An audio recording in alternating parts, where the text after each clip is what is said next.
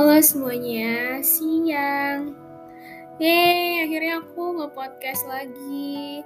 Nah, judul podcast hari ini rencananya To All My Dearest Friend. Jadi aku kayak pengen, apa ya, pengen ngobrol-ngobrol aja sih sama teman-teman lama yang kita udah gak pernah ngobrol. Terus juga mungkin kita gak pernah teleponan, kita gak pernah video callan, terus juga ya kita udah jarang ketemu lah intinya kepo sih sebenarnya. Kalian tuh sekarang kabarnya gimana sih? Maksudnya sehat atau enggak? Terus juga lagi aman kan kondisi kesehatannya? Apa ya? Uh, aku mau ngabarin aja sih kalau sekarang aku mau ngerjain ya kayak biasa lah desainan kama. Kalau kalian sendiri sekarang lagi ngapain? Buat podcast ini juga mana tahu kalian kayak lagi lagi kesepian gitu pengen ada temen ngobrol. Kalau misalkan lagi ngerjain tugas gitu.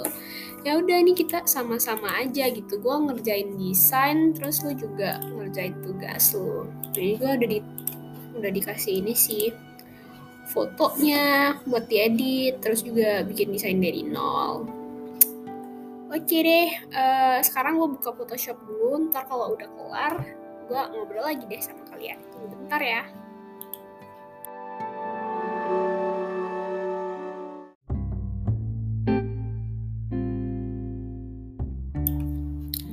Oke, jadi ternyata karena gue lanjutin podcastnya setelah gue bikin poster di Photoshop, ya udah sih. Jadi kayak kita ngobrol-ngobrol langsung aja kali ya. Jadi uh, buat teman-teman gue, gue sebenarnya pengen nanya sih, kalian itu di umur yang sekarang apa sih yang lagi kalian rasain? Kalau dari gue sendiri, gue ngerasa kayak apa ya? Gue tuh makin di umur 20 makin bingung gitu loh sama tujuan hidup. Kayak di umur ke-20 gue baru nyadar bahwa ada banyak hal banget tuh yang belum gue eksplor.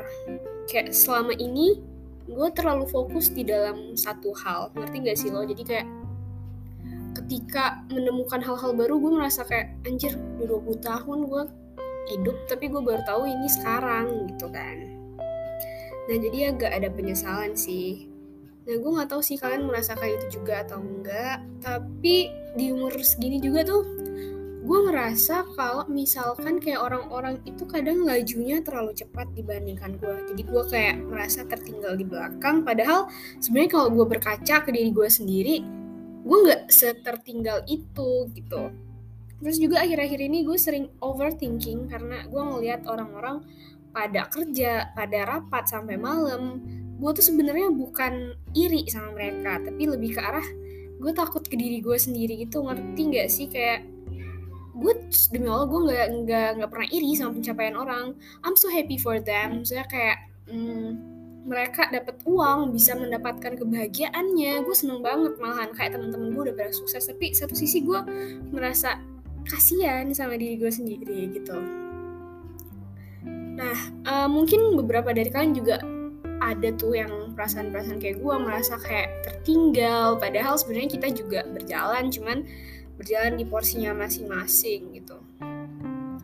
Terus juga gue merasa kalau misalkan di umur gue yang 20 kayak I just realized that everyone getting apa ya everyone tuh mulai sibuk dengan kehidupannya masing-masing. Itu udah suatu kepastian tapi satu sisi juga gue merasa uh ternyata hidup di umur segini itu uh, sangat kesepian ya. Ditambah juga dengan kondisi corona yang gak kelar-kelar. Jadi sebenarnya gue sangat memperhatinkan memprihatinkan kondisi mental gue. Gue juga uh, bingung itu kenapa makin hari makin terasa sulit untuk dikontrol.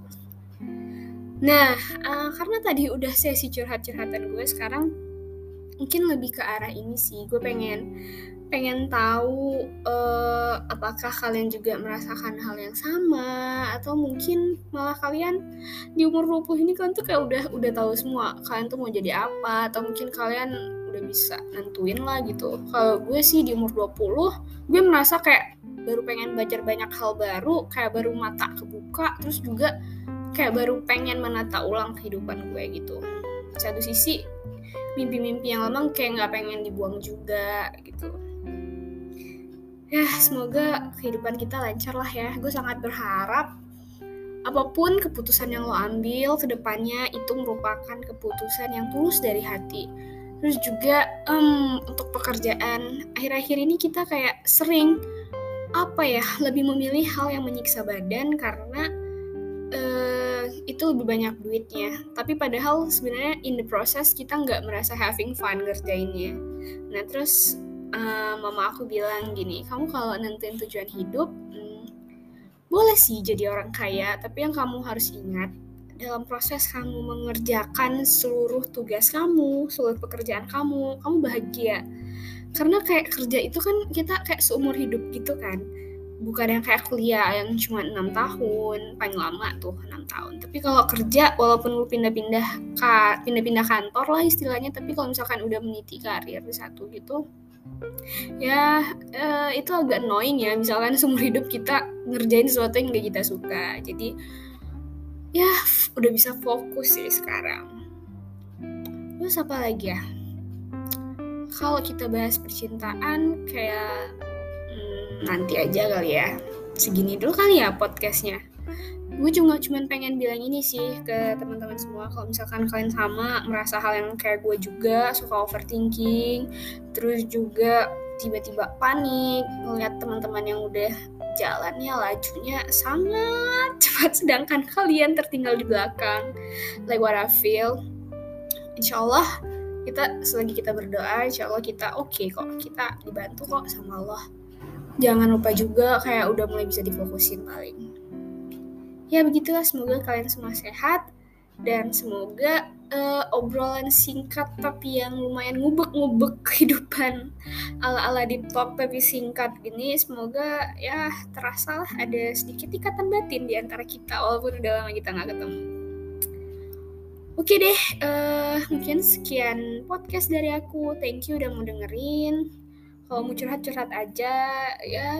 Tapi gue orangnya males balas chat sih jadi ya mungkin bisa dipertimbangin lagi ya kalau mau chat gue karena bisa jadi chat lo nggak gue balas oke okay.